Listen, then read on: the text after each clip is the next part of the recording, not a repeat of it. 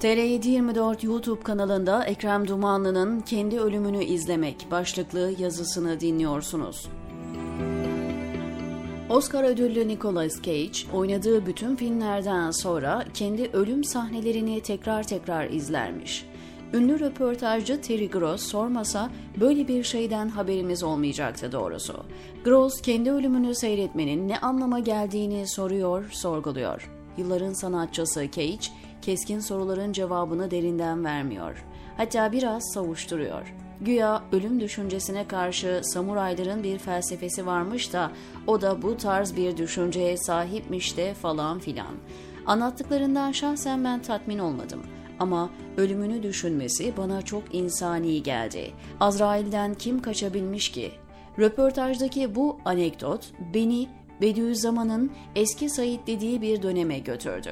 Üstad o günleri yad ederken ibret için sinemaya gittiğini söylüyor. Ölüm üzerine derin düşüncelere dalan genç Said, elemli bir hüzün ve gamın kalbine çöktüğünü ve dostlarını kaybettiğini naklediyor. Dostlarından ayrıldığı gibi bir gün İstanbul'dan da dünyadan da ayrılacağını tahayyül ediyor.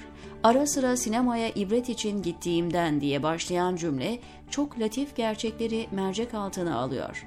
Ölmüş insanların bile sinema perdesine yaşıyor gibi yansıtılabildiğini hatırlattıktan sonra aynen şöyle diyor.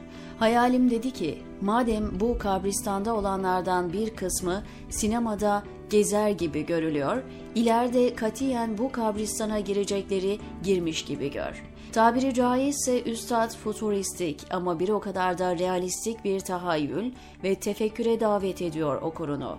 Ve her daim yaptığı gibi kendi nefsinden başlıyor hesaba.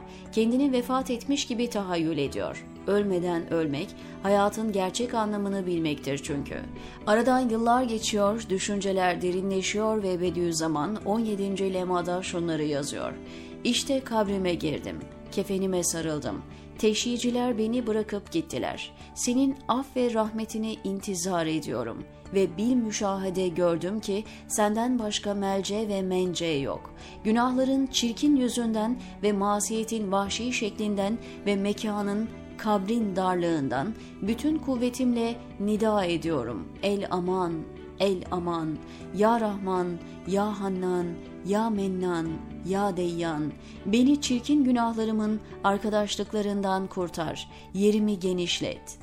Aslında tasavvuf tarihinin özüdür bu bölüm. İnsanın kendi ölümünü düşünmesi, hayatın geçici olduğunu, gerçek hayatın ölümle başladığını hatırlamak için kendinizi kabre girmiş gibi düşünürsünüz. Rabıta-i Mevt, tarikat ehlinin belki de ahirete inanan herkesin en asli vazifesi. Heyhat. Fethullah Gülen Hoca Efendi'nin çok ilginç bir yaklaşımı var modern zamanlar için.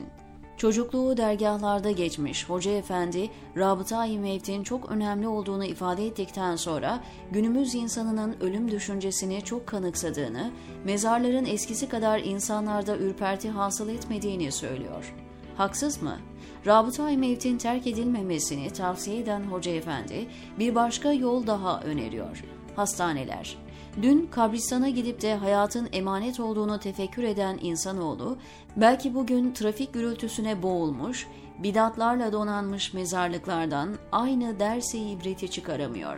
Lakin hastane koridorlarında bulacağımız çarpıcı örnekler hayatın ne kadar paha biçilmez bir emanet olduğunu bize tekrar tekrar hatırlatıyor. Nereden mi geldi aklıma bu rabıtayı mevt meselesi? Şu tarikatların haline bakar mısınız? İbadet, uhuvvet, ahiret merkezli hayat tarzının yerini neler almış neler. Yakında vefat eden İsmail Ağa cemaatinin şeyhi Mahmut Efendi'nin yeğeni, aynı tarikatın medyatik ferdi Cübbeli Ahmet için şeyhliğini ilan et, patlatırım senin kasetlerini diyor.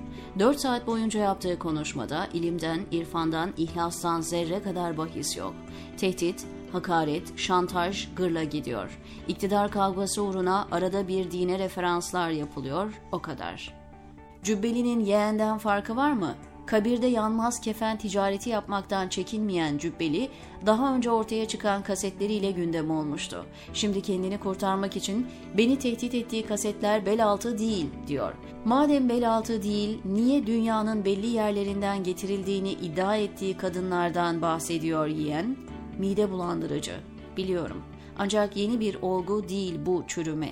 Kendinden geçercesine ahir zaman olaylarını anlatan ve bazı İslami gruplara en ağır hakaretlerde bulunan bir sahte şey, çocuklara karşı işlediği cinsel istismar suçundan hala hapishanede. Etrafını meyhaneye çevirmiş bir sahte Mehdi, cinsel istismar dahil çok sayıda suçlamayla halen hapishanede. Bir de halen kullanışlı oldukları için dokunulmazlık kazanmış manevi ambalajlar içinde korunaklı hayat sürenler var. Ya menfaat uğruna zalimlerin alkışçısı olmuş baykuşlara ne demeli? İhale peşinde koşarken zikri de unutmuş, fikri de unutmuş ama adı hala manevi oluşumlarla anılan kitlelere ne demeli? Her neyse, biz kendimize dönelim. Gelin kendi ölüm anımızı tahayyül edelim. Her şey o kadar fani ki hayatı doğru okumanın yolu ölümü doğru anlamaktan geçiyor. Gerisi hikaye diyor Ekrem Dumanlı TR724'deki köşesinde.